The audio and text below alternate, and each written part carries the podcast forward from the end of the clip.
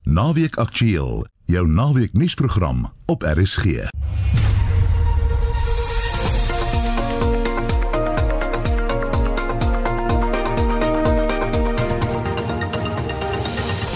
die program. Die minister van Polisie, Bekkie Cele, sê drank is 'n groot bydraende faktor tot misdaad. It was confirmed that alcohol was consumed either by the victim or the 2047 incidents of assault GBH took place at either a bar, nightclub, a tavern, or a ship. This does not exclude alcohol being present in parks, beaches, and other places of We'll have to work on alcohol abuse. Die voormalige sekretaris-generaal van die ANC, Ys Magashule, glo sy skorsing is onwettig en ongrondwettig. Maar is hy reg? He makes the point quite clear in his court papers that if the court finds that what he did was wrong, he'll naturally apologize. But the court must first decide whether the step-aside regime, the rule, is constitutional. Of course, if the court finds that it's not constitutional, there's nothing for him to apologize. If anything, the other people may have to apologize to him in the way that he was treated. Ons praat met 'n kenner hieroor. En ons praat met die draaiboekskrywer en regisseur van die Afrikaapse rolprent Barakat. Wat gaan hier aan? Sy sien gay? Wag nou. Goeiemôre, die redakteur vandag is Hendrik Martin, produksieregisseur Silwester Komani en ek is Marietta. Welkom.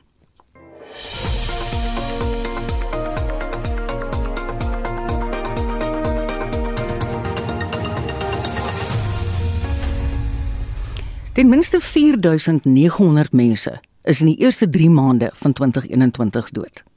Dis 387 meer as dieselfde tydperk verlede jaar. Die getal sluit 24 polisiebeamptes in. Volgens die jongste misdaadstatistiek het moord en poging tot moord met onderskeidelik 8,4 en 8,7 toegeneem. Anne-Marie Jansen van Vuren het die besonderhede.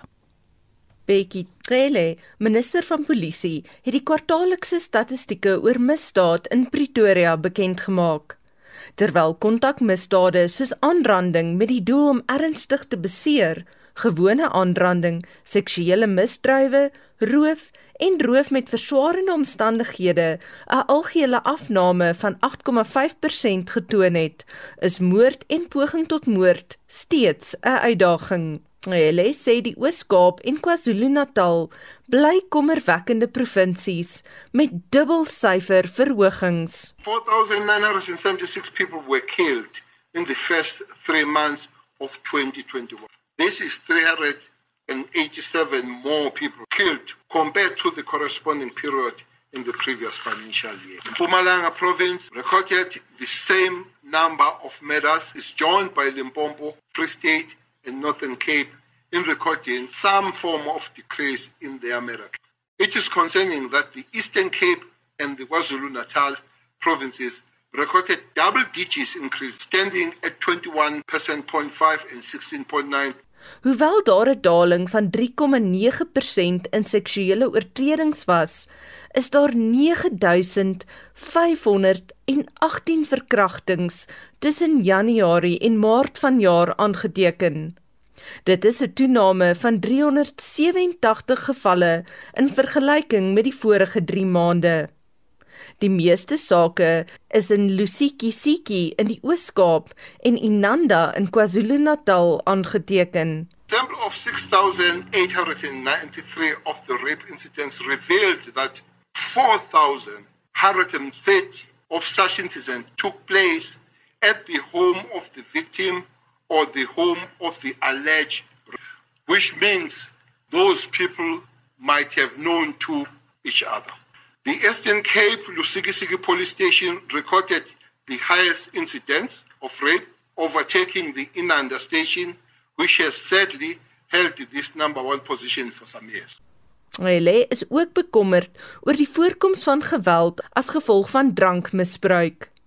Hoewel alle gevalle van aanranding met meer as 9% afgeneem het, was daar steeds meer as 75000 gevalle van algemene aanranding en aanranding met die doel om ernstig te beseer, die meeste hiervan in Gauteng en die Wes-Kaap. In 2,855 incidents of assault GBH It was confirmed that alcohol was consumed either by the victim or the 2,047 incidents of assault GBH took place at either a bar, a nightclub, a tavern, or a ship. This does not exclude alcohol being present in parks, beaches, and other places of. We'll have to work on alcohol abuse in the wishes and abortions around the necks of the nation. Motorkapings het met 5% toegeneem terwyl 272 meer residensiële roofdogte aangemeld is. 2,8% meer roofdogte het op nie-residensiële persele soos besighede, kerke en skole plaasgevind. Inbrake het egter gedaal. 372 more residential robberies reported in the current reporting period compared to the corresponding period in the previous financial year. 2.8% more robberies at the non-residential places such as business, churches and schools took place. Police must step up their efforts in clamping down on truck hijack hijackings, which recorded a double-digit percent increase. Hy lê die moord op 24 polisiebeamptes in die eerste kwartaal veroordeel en aktiviste en drukgroepe gekritiseer omdat hulle nie openlik 'n ophef daarvan maak nie. Die verslag van Pumzile Mlangeni in Pretoria en ek is Anne Marie Jansen van Vuren vir SAK nuus. Dis nou 13 minute oor 12 en ons bly by die onderwerp en praat met Dr Johan Burger, 'n konsultant by die Instituut vir Sekuriteitsstudies in die Justisie en Geweldvoorkomingsprogram. Goeiemôre Johan. Goeiemôre uh, Mariet. Jou algemene indrukke wen ons die stryd teen misdaad? Nee, uh, Marieta, ek ek dink nie ons kan so sê nie, maar ek moet nooit uh, met die intrapslag sê ons moet die statistiek nou in perspektief sien en net kortliks, jy weet ons het in die 8 jaar oor die inperkings verlede jaar ingestel het. Uh die 8 jaar, uh, 8 jaar wat dit vooraf gegaan het, het ons 'n jaar op jaar stygings in die meeste van hierdie geweldsmisdade gesien.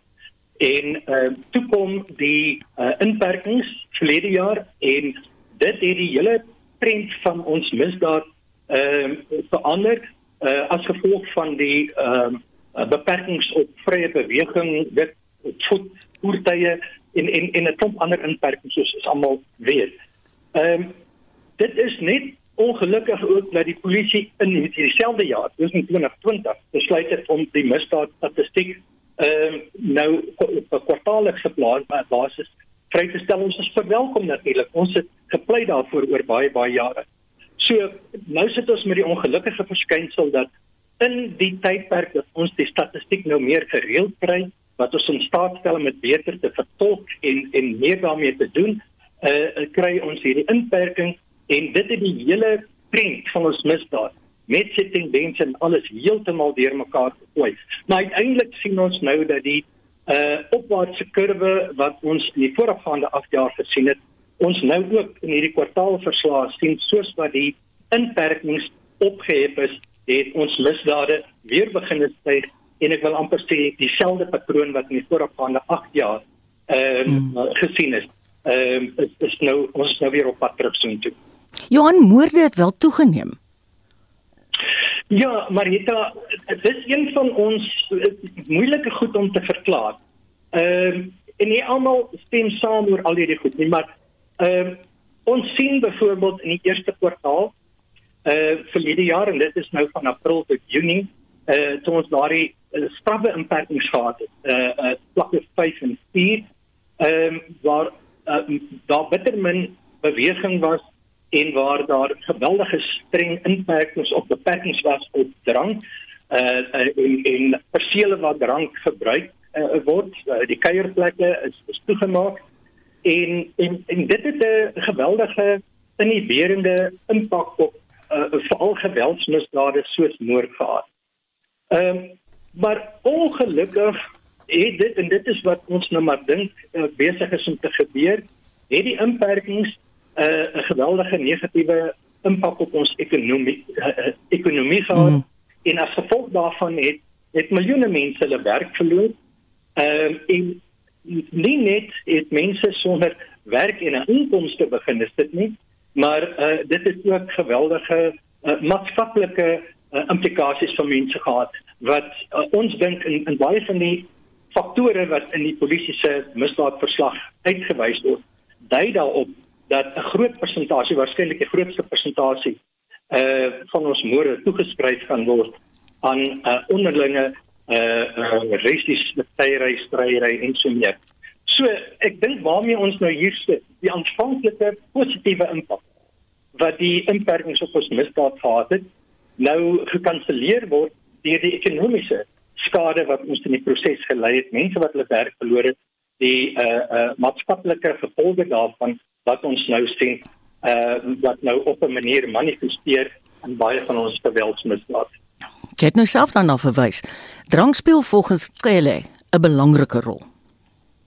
Ja, dis dis ongetwyfeld so. Uh jy weet en ek weet mense sal uh, uh, hierdie tipe van uh, uitsprake kan uh, uh, uh, kritiseer.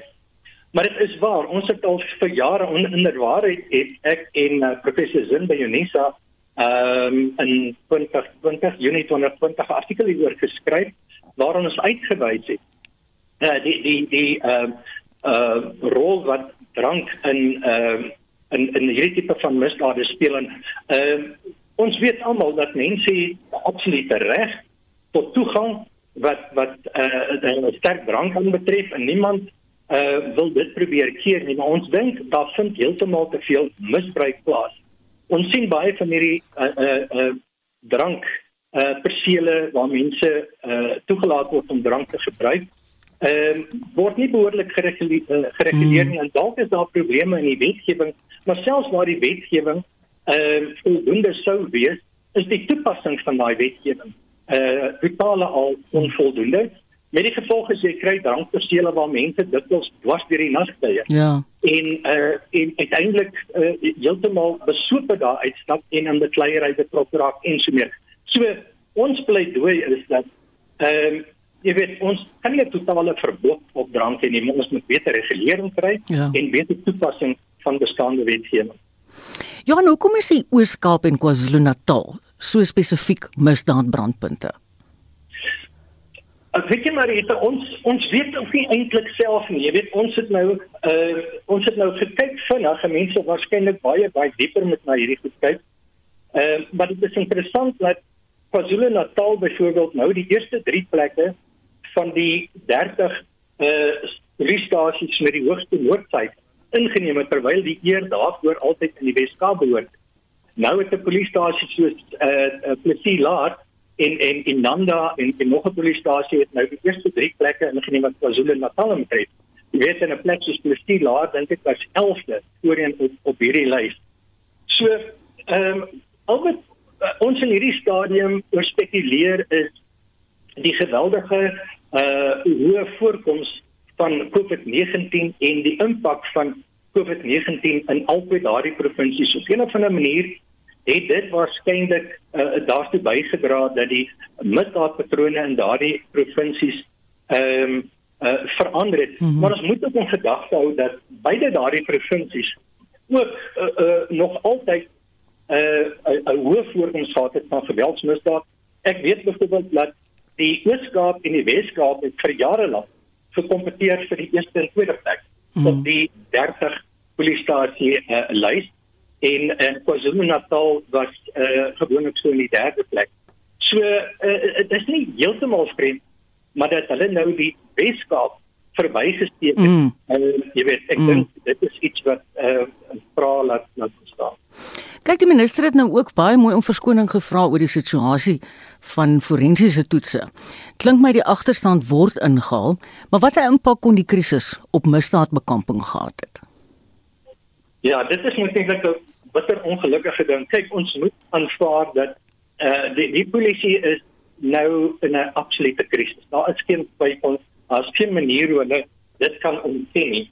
En die die openbare eh uh, eh uh, ehm um, argumente en en en en eh uh, stryery tussen die minister en nasionale kommissaris, tussen die nasionale kommissaris en die hoof van misdaadintelligensie. Dit is maar net die die uh, uitskieting Ja. Uh, Vriende binne die polisie is daar 'n geweldige klomp ander krisisse al vir baie baie jare lank en Ehm um, ons almal weet die probleme wat daar by misdaad intelligensie was, wat daar by die forensiese wetenskap laboratoriums aan die gang was. Ehm um, en dit het ook te doen in groot mate met swak aanstellings of dan aanstellings van swak kandidaate wat nie die mees geskikte mense vir daardie poste was nie. Hierdie goed het oor tyd opgebou tot die posisie waarin die polisie hom nou bevind, waar hierdie tipe van onbekwaamheid, onbevoegdheid nou die polisie van een krisis na ander lei en hierdie leierskap uh uh uh, uh, uh ek wil nou sê uh ehm uh, krisisse die die stryery onder die topleiers van die polisie help natuurlik nie mm. veel om hierdie situasie op te los nie. So nou sit jy ons het nou die in 'n stadium tot misdaad intelligensie gehad wat die uitskieter krisis was. Nou is dit die forensiese wetenskap laboratorium. In 'n stadium was dit by die valke. Dan is dit by die openbare orde afdeling. So hierdie goed gaan nie weg nie. En dit word net eers aangespreek wanneer dit 'n uitskieter word en in die parlement vrae gevra word, die media daaroor berig, dan pas hulle krisisbestuur toe. En dit is wat ons nou ja. nou sien en in die proses is die skade wat aangerig is so groot dat ek wonder of die polisie werklik binne die volgende paar jaar eh uh, hierdie situasie onder die knie gaan kry. Baie dankie. Dit was Dr. Johan Burger, 'n konsultant by die Instituut vir Sekuriteitsstudies in die Justisie en Geweldvoorkomingsprogram. Jy's ingeskakel op RSG, dis die program Naweek Aktueel. Ek hoop dat jy die uur saam met ons geniet. Die voormalige sekretaris-generaal van die ANC, Ysmagashule, glo sy skorsing is onwettig en ongrondwettig. Daarom het hy 'n dringende hofaansoek teen sy tydelike skorsing, sowel as die ANC se sogenaamde op sy staan besluit ingedien. Magashule vra ook aan die hof dat sy skorsing van president Cyril Ramaphosa geldig verklaar moet word. Magashule staan tereg op aanklagte van korrupsie, geldwasery en bedrog weens 'n asbestenderbedrogsaak wat 255 miljoen rand beloop het. Vir meer hieroor praat ons nou met die regskenner en senior dosent aan die Universiteit van Pretoria Dr. Llewellyn Kuloos. Hallo Llewellyn. Goeiemôre, Marieta. Het Magashule 'n saak? Ja, miskien moet ons net eers 'n bietjie agtergrond gee vir die luisteraars waaroor hierdie aansoek gaan. Jy het in jou inleiding 'n uh, uh, reg 'n paar dinge opgemerk, maar dit gaan verder as dit. Die applikant in hierdie saak is sou Elias Sekgobolo Magashule ook beter bekend as Eis. En dan het hy natuurlik drie respondente gevoeg. Die staatspresident Cyril Ramaphosa as die eerste respondent. Jesse Duarte was sy adjunk sekretaris-generaal was is, is die tweede respondent in hierdie aangeleentheid en dan die ANC uh as as as organisasie is die derde respondent. Nou wat wat in die stukke gevra word is dat op die 1 Junie uh, moet hierdie aansoek aangehoor word en hy self so ver gegaan om te vra dat die adjunkregte president uh, in die Johannesburg Gauteng afdeling uh, oorweging skenk daaraan om 'n volbank regters aan te stel. Met ander woorde, hy, hy ag dit so belangrik, dringend en noodsaaklik dat hy wil hê drie regters moet verkieslik op die aangeleentheid sit. Hy het reg opgemerk dis 'n dringende aansoek en dit is natuurlik sy eerste probleem waarmee hy sit. Nou om vir my te vra het hy 'n saak kom ons begin eers daar. As hy nie oor die hekkie kom van dringendheid en vir die hof kan oortuig dat hierdie saak so dringend is dat dit nie op die normale hofrol en die normale toedrag van sake aangehoor kan word soos enige ander aansoek nie, dan gaan hy die saak net op daardie basis alreeds kan verloor. En dit gebeur teenoor baie dat howe sake uitgooi doeteenvoudig gegrond op 'n uh, 'n uh, 'n uh, uh, uh, dringendheid wat nie bestaan nie. Nou tereg in sy in sy mosie aansoek vra hy vir 'n hele goed is. Hy vra natuurlik vir hierdie tersyde is of die wegstap reël waarna jy verwys die step aside rules soos wat die ANC daarna verwys.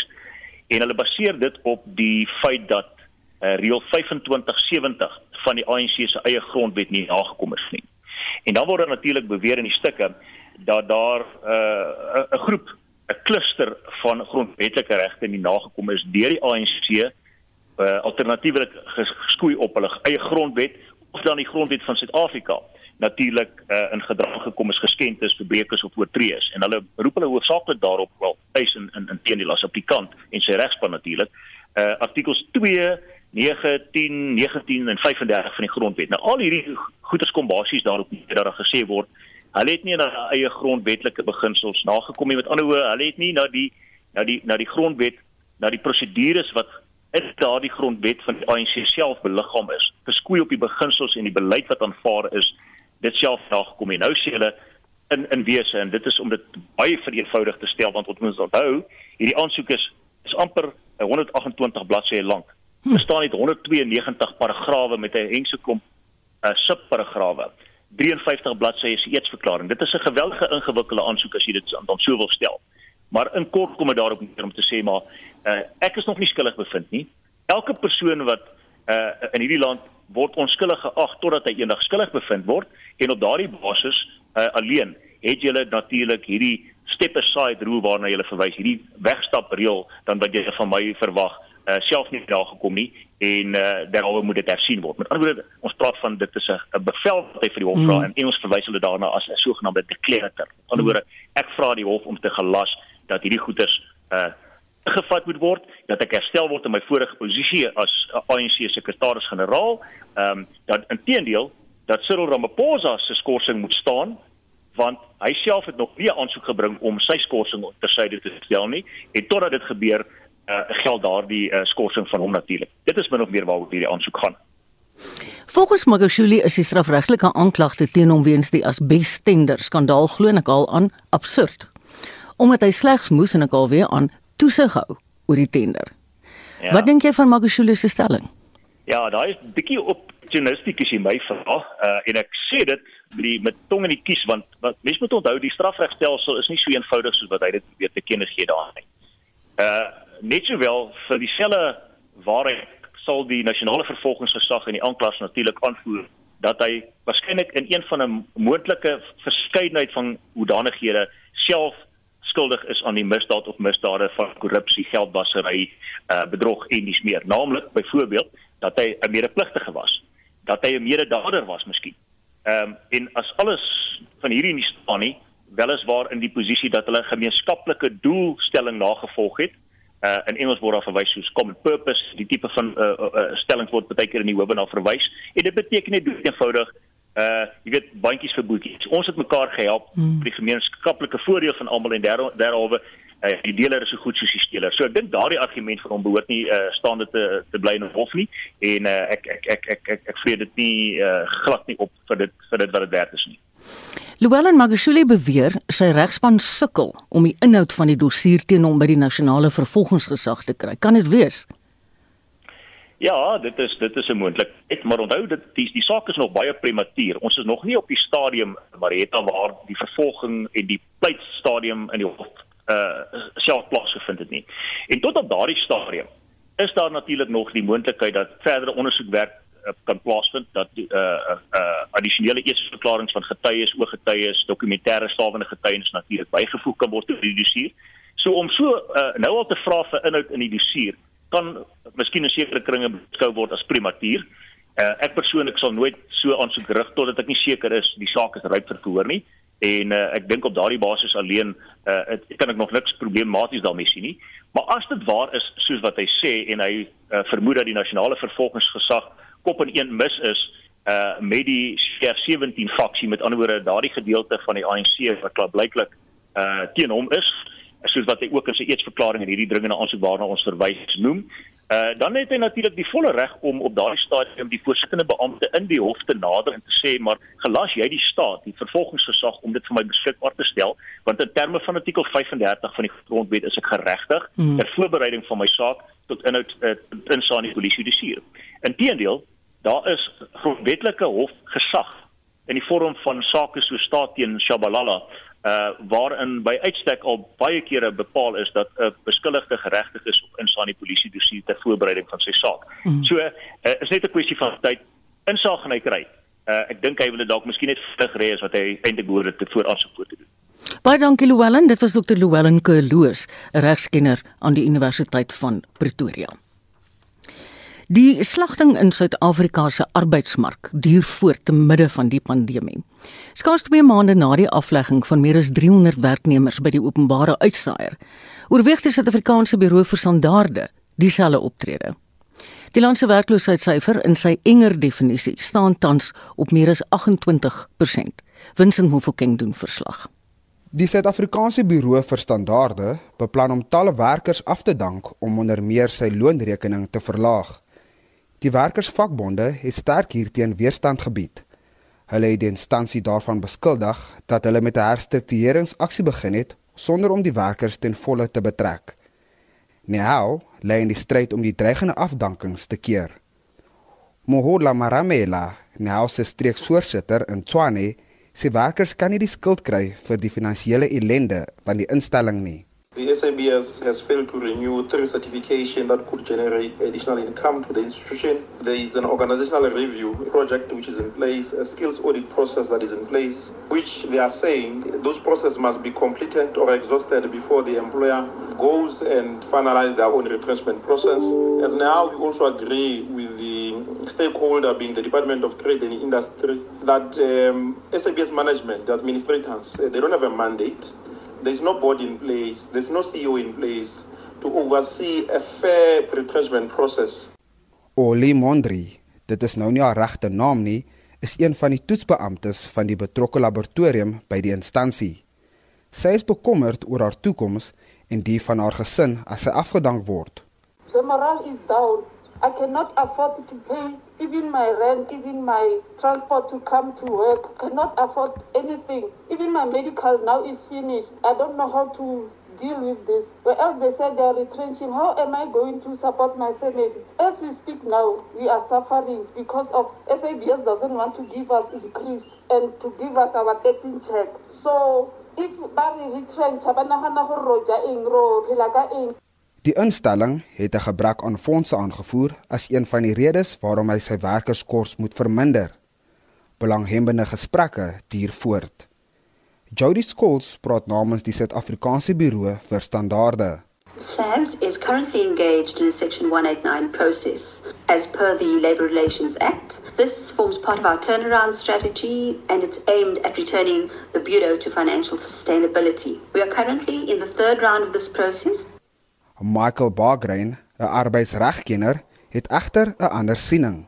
We know that in South Africa today, retrenchments are the order of the day. We have the highest unemployment in the world, and unfortunately, retrenchments are going in thick and fast. Employers are enjoined to have a look at the Labour Relations Act before they consider retrenchments. The one thing they should be doing before retrenchments is they should look at what the Department of Employment and Labour offers. Many employers don't know their rights, they don't know their duties. But one of the duties they have to look at is trying to accommodate staff before the actual retrenchment.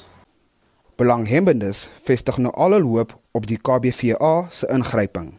Fanel Shuma en Molemo Waone Motoa het hierdie verslag ingedien. Ek is Vincent Mufokeng vir SAIK nuus. Wat is 'n naweek sonder sport? Ek het maandagooggend gehoor Pieter het so voor uitskouing gegee wat gaan alles gebeur hierdie naweek. Wel, nou is die naweek op ons. So kom ons praat met Pieter oor die jongste inligting. Hallo Pieter. maar dan sê Marita. Die groot rugbykanonne van Nieu-Seeland en Australië het gister begin 'n koppe stamp. Hoe sake daar verloop? Ja, ek moet sê daardie uh, Trans-Tasmaniese rugby reeks het nou gister afgeskop en dis soos jy sê die groot kanonne van Nieu-Seeland en Australië. Nou gister was daar 'n drie fees in die tweede wedstryd. Die Waratahs het op hulle tuisveld pak gekry, weliswaar 48-64 teen die Hurricanes verloor, so. maar 112 punte aangeteken in daardie wedstryd. Hmm. Absolute drie fees. Dan in die eerste wedstryd gister was die Highlanders wat die Reds met 40-19 getroof het. Vandag vanoggend vroeg was dit uh, 31-29 wat die Crusaders baas was oor die Brumbies. Die arme Brumbies het dan in die doodsnike 3 gaan druk, maar ongelukkig daardie doelskop was onsuksesvol en uh, dan sou dit gelyk op gewees maar hulle verloor dan met 2 punte die Brumbies. Op die oomblik speel die uh, Blues teen die Rebels. Ehm um, of kom ons sê Rebels teen die Blues eerder want hulle is op die Rebels se tuisveld en dis die Blues wat voorloop met 12 punte teenoor 3. Die Western Force en die Chiefs, hulle sal om 5 voor 2 vanmiddag kragte meet.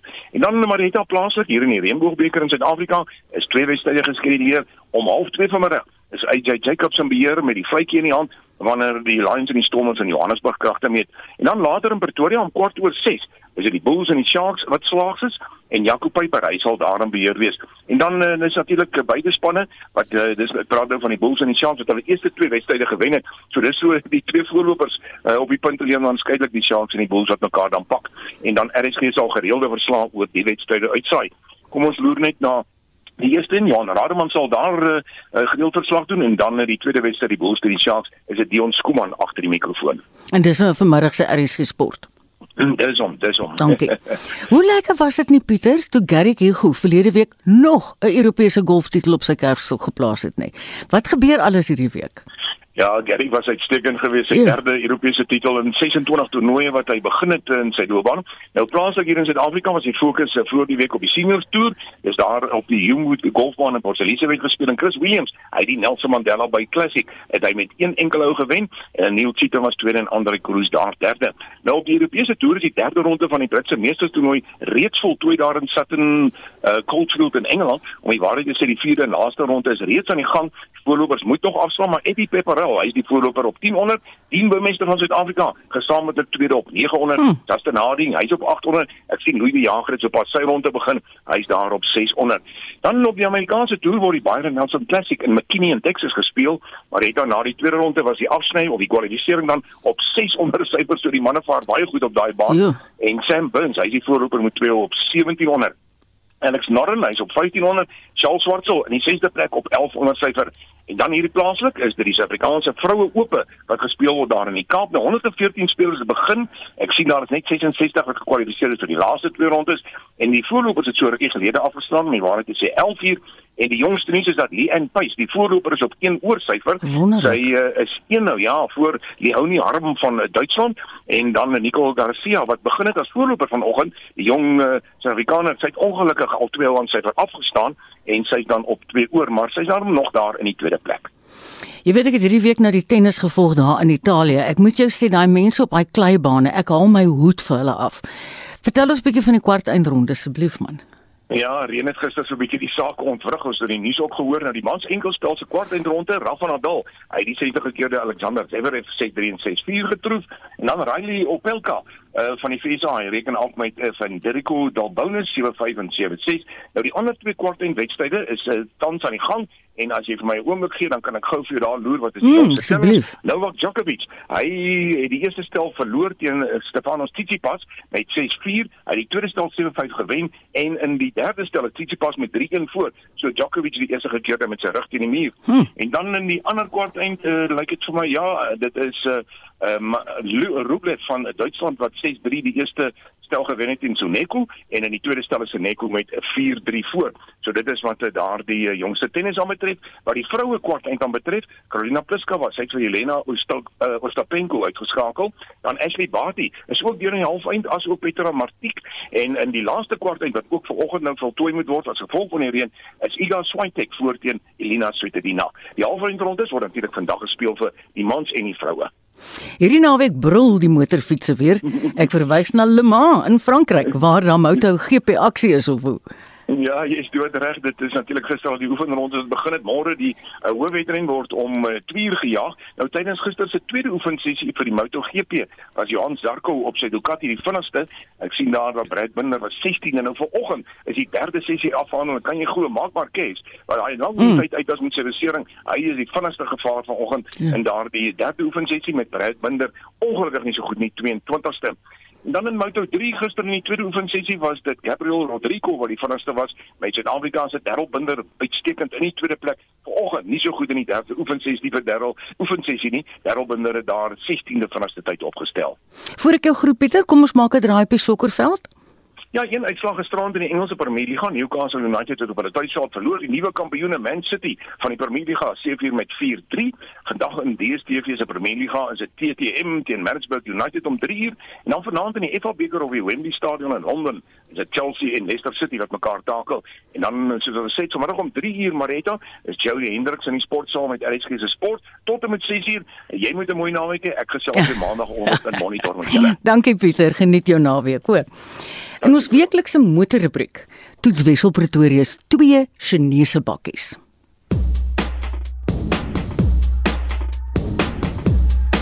Great Wall Motors of GWM het onlangs sy P-reeks bakkies plaaslik bekend gestel. In ander lande staan hy as die Poer bekend. Maar hier by ons wil jy mos nie gespot word dat jy poer poer nie.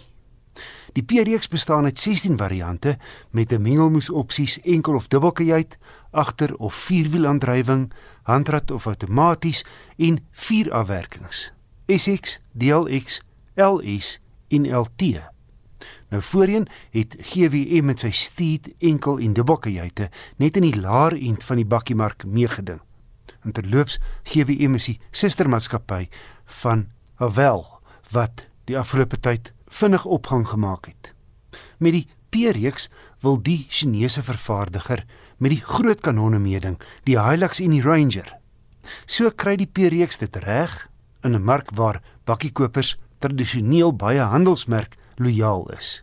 Om uit te vind het ek twee dubbeltjie uit te gery, die tweede goedkoopste DLX afwerking met 'n 6-spoed handrat en agterwielaandrywing en die LT4 trek topmodel met die gerespekteerde 8-spoed ZF outomaties. En ek's aangenaam verras. Die P-reeks verskuif die doelpale vir Chinese bakkies in terme van die aanvoelbare kwaliteit, voorkoms en toerustingvlakke teen pryse veel laer as die gevestigde bakkies. Kom ons kyk eers na die DLX teen R390 000. Dis 'n prys 'n hele ent laer as Toyota en Ford se heel goedkoopste dubbeltjie wat maar skraps toegerus is. Standaard is togbeheer, 'n sentrale skerm, twee USB sokke voor in die voertuig. Kan jy glo 'n sondak? Nie iets wat jy sommer op 'n bakkie kry nie. Op die sentrale skerm het jy 'n lekker groot driebeeld saam met drie sensors. Die agterste ewenaar sluit met die druk van 'n knop. En hier's Bluetooth foonverbinding. En dan kom Apple CarPlay en Android Auto ook standaard. En daar stop dit nie, ook 17 duim alloy wiele, sytrappe, 'n leerstuur en gedeeltelike leer op die sitplekke waarvan die bestuurder sin elektries verstel. 'n 12 volt laaipunt, hy klimaatbeheer, outomatiese lig en reënveers, sleutellose toegang en aanskakeling, ses ligsakke, asook stabiliteits- en traksiebeheer. En jou banddruk word gemonitor en uit wegtrek hulp en afdraande beheer. Dis 'n baie indrukwekkende mondvol teen 390 000. Boonop by die P-reeks volle beenspasie agter met buiteafmeting soortgelyk aan die Ranger en Hilux.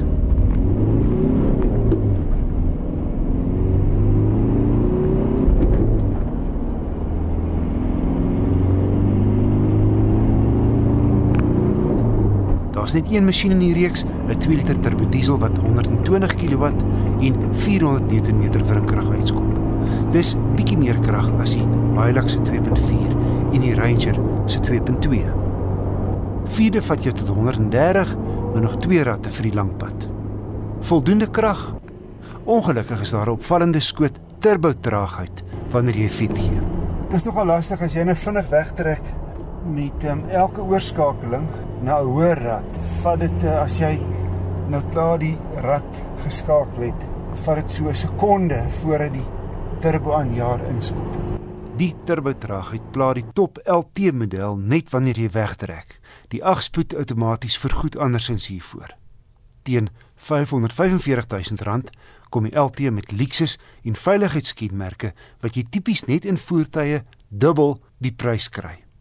Anders as die DLX se meer beskeie swart sierrooster kom die LT 4x4 met 'n groot krom een en 18 duim wiele, 'n rolstaaf en LED ligte voor en agter. Die LT se kajuit voel meer soos die van 'n luukse sportnuts. Boonbehalwe die DLX se kenmerke, heelwat leer in die kajuit met metaalinsetsels, leersitplekke waarvan die twee voorstes elektries verstel en verhit virtuele instrumentasie, 'n draadloose selfoon laaispasie, asook verskillende bestuursmodusse om net 'n paar te noem, die lys is te lank. Hier is die hoogtepunte wat veiligheidskenmerke aanbetref. Jy kry sensors voor en parkeer sensors agter.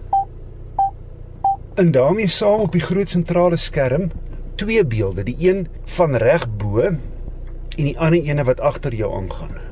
En dan 'n baie handige funksie, sogenaamde rear traffic cross alert. As 'n kar agter jou verbyry, waarsku hy jou met die geluid. En wanneer jy jou flikkerlig aanskakel en 'n draai vat, wys die kamera wat langs jou op die sypaadjie aangaan. Ook aanpasbare togbeheer, blindekol waarskuwing, 'n laanhou funksie en laan verlaat waarskuwing, botswaarskuwing en selfrem in 'n noodgeval en verkeersteken herkenning. Soos gesê net een kragbron die LT topmodel sou kon doen met meer krag. Albei se dieselverbruik was relatief hoog, 10,6 liter per 100 km vir die LT en 9,7 vir die DLX. 'n Ander punt van kritiek, op grondpad ry die P-reeks nie heeltemal so gerieflik soos byvoorbeeld 'n Ranger nie. Maar in geheel gesien bied GWM se P-reeks bakkies buitengewone goeie ware vir geld. Die uitdaging is nou net om hul langtermyn betroubaarheid te toon. Ingesluit is 'n 5 jaar 100 000 km diensplan en waarborg.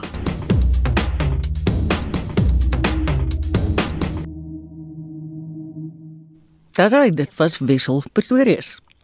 Wêreldwyd vier moslems hierdie naweek Eid ul-Fitr of in die volksmond Labarang Ramadan.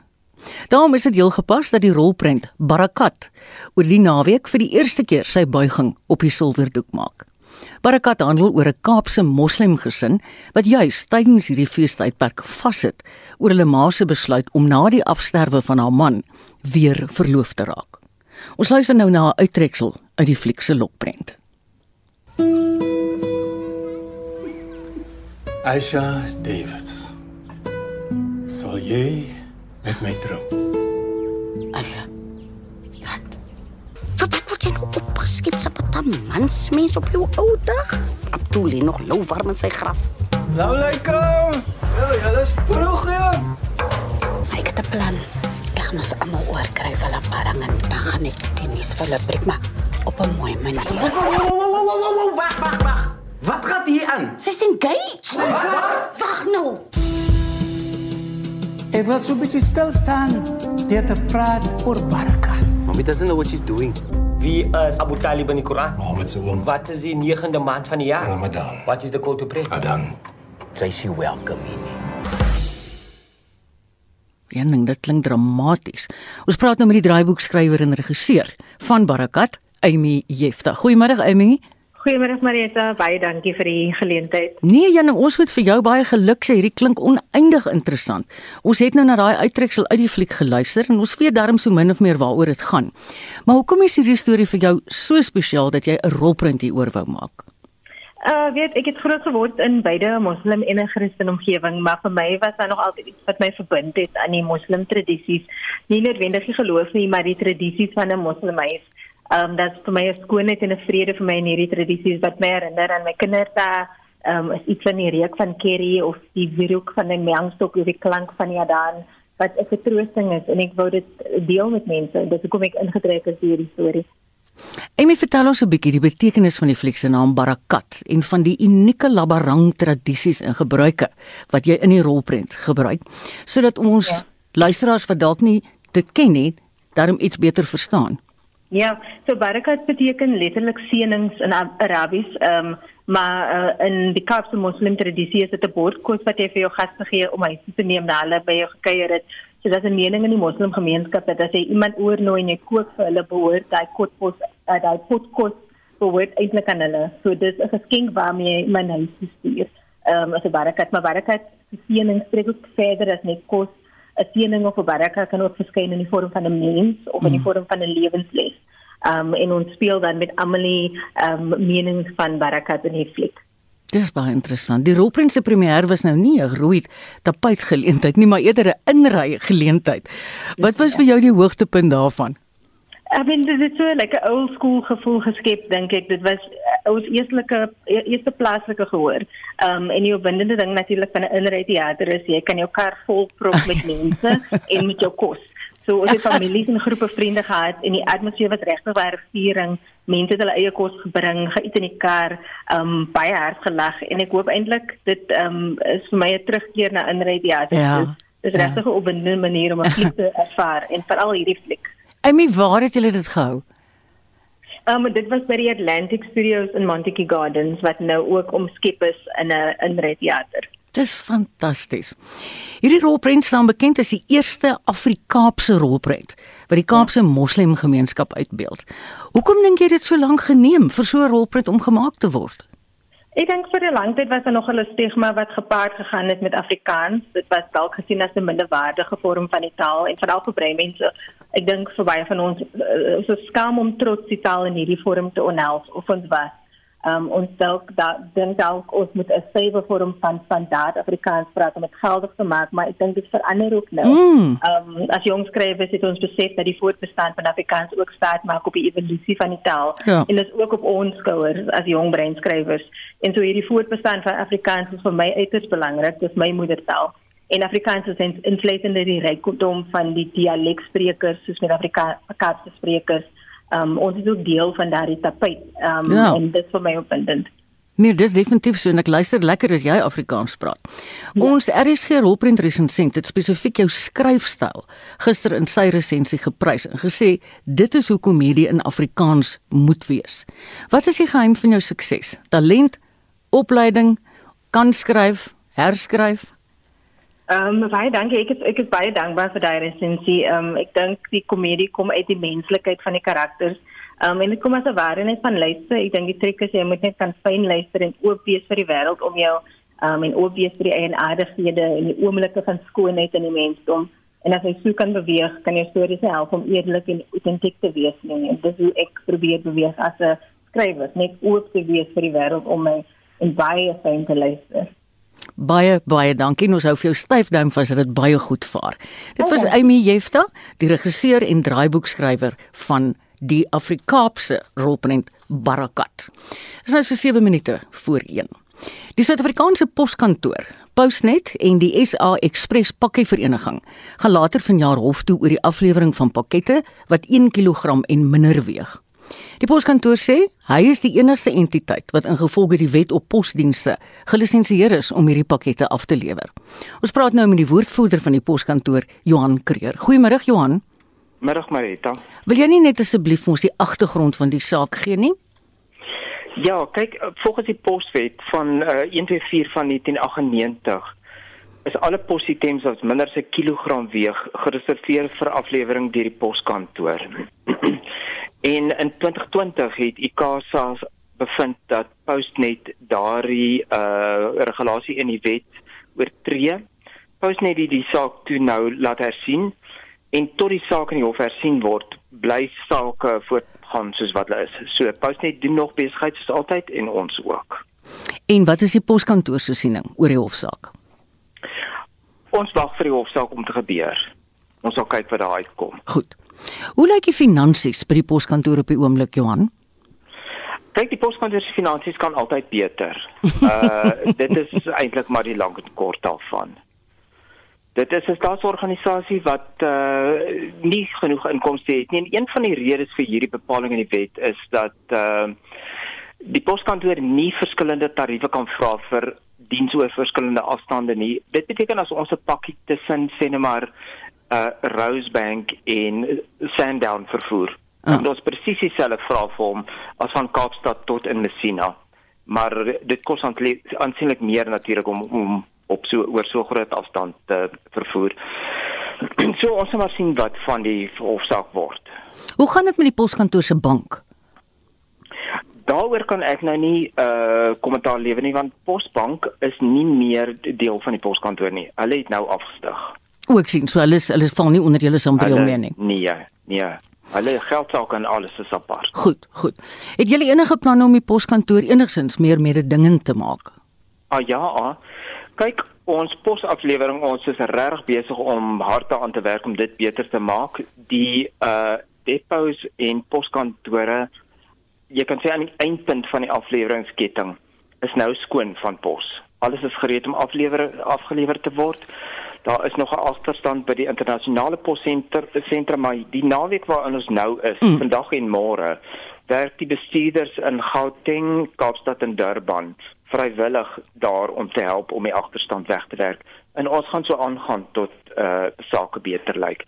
Een van die ander goed wat posdiens bemoeilik is dat ons nie ons eie uh vragvliegtye het nie soos baie enorme uh koeriermaatskappye. Dit beteken ons word beperk deur probleme met vervoerverbindings nou uh met al die internasionale beperkings Ja. op toerisme en so aan. Ja, ek het in die laaste tyd nogal gelees in die briewe kolomme in verskillende media dat die mense kla dat die pakkies nie afgelewer word nie, maar jy kan nou sê dit gaan nou definitief gebeur. Dit gaan definitief beter gaan van nou af aan Marietta en kyk die eerste besending Wish pakkies het nou in Suid-Afrika aangekom en hulle is almal by hulle uitbestemmings uh almal is nog nie afgehaal deur die kliënte nie maar daai uh, het baie baie glad verloop. Jy moet nou nou verskoon as ek 'n dom vraag vra, wat is 'n Wish pakkie? Wish is 'n uh, uh, uh, besteldiens oor die internet. 'n Amerikaanse maatskappy wie se produkte hoofsaaklik uit China kom. Oh. En ons het 'n spesiale ooreenkoms met hulle nou wat die uh, klaringsprosedures en so aan vir douane aansienlik eenvoudiger maak. My ening nou leer jy vir my op hierdie Saterdag geding. Vertel ons, watse dienste kan julle alles lewer? Kyk, wat die poskantoor doen behalwe die gewone posdiens is in al die provinsies behalwe in die Wes-Kaap kan jy jou karlisensie by baie uh, poskantore hernie. Mm. Jy kan rekeninge daar betaal. Uh jy kan 'n geldoordragdiens doen na al die stadieklande toe wat binne 'n halfuur aanderkant is en ja. teen 'n baie mededingende tarief. Jy weet die meeste banke neem langer as dit. En uh dit is min of meer wat ons nou aanbied. Wat ons ook hoop om te doen is om meer dienste namens die regering aan te bied. Soos die karlisensies, die uitbetaling van pensioene en so aan. Die tegnologie van die pensioene het ons toegang gegee tot stelsels wat beteken ons kan meer doen. Jy weet uh ons het biometriese stelsels by die toonbanke wat jou vingerafdruk kan lees en dit dan vergelyk met binnelandse sake se database so ons weet presies wie jy is onmiddellik. Dit beteken daar is nou 'n moontlikheid dat jy jou karlisensie moontlik kan hernie by die poskantoor in die toekoms of jou bestuurslisensie kan hernie Wow. in die toekoms. En uh aansoek doen vir 'n paspoort en ID-dokument. Maar daaraan werk ons nog. Dit is Jy want net jy idee hoe lank gaan julle daaraan werk, want dit sal 'n verskriklike verligting bring. Marita, ek kan regtig nie sê nie. Die Goed. heeltemal langsam. Ja. Ja ja ja ja ja ja, ek hoor alles wat jy vir my sê. Dit was baie insiggewend en baie sterkte met wat jy doen Johan. Dit was Johan Dankie. Kreer, die Suid-Afrikaanse poskantoor se woordvoerder. Hierdie Sondag aand op kommentaar. Dis nou saam met Heinrich Weingart môre aand. Kan jy luister na 'n bespreking oor die week se belangrikste politieke gebeure, soos die oor die geskorste ANC sekretaris-generaal Ys Magashule, waaroor Llewellyn net nou gepraat het. Verwikkelinge met Suid-Afrika se teen-COVID enstofprogram. En ook natuurlik baie belangrik die oorlogssituasie tussen Israel en Palestina in die Midde-Ooste. Môre aan se paneel bestaan uit die politieke ontleder, professor Joansi van Wyk van Unisa, die joernalis Pieter de Tooy van News24 en die onafhanklike kommentator eerwaarde Courtney Sampson. Dis kommentaar Sondag aand 8uur saam met Heinrich Weingart. Hoop jy naweek aktueel net soveel geniet soos ons span hier in die ateljee. Ons groet en sê ons hoop jy het 'n wonderlike naweek. Verder die redakteur vandag is Hendrik Martin gewees. Ons produksieregisseur is Silwester Komani. En namens my, Marietta, ons gaan terug na Renske toe vir die 1 uur nuus. Lekker naweek.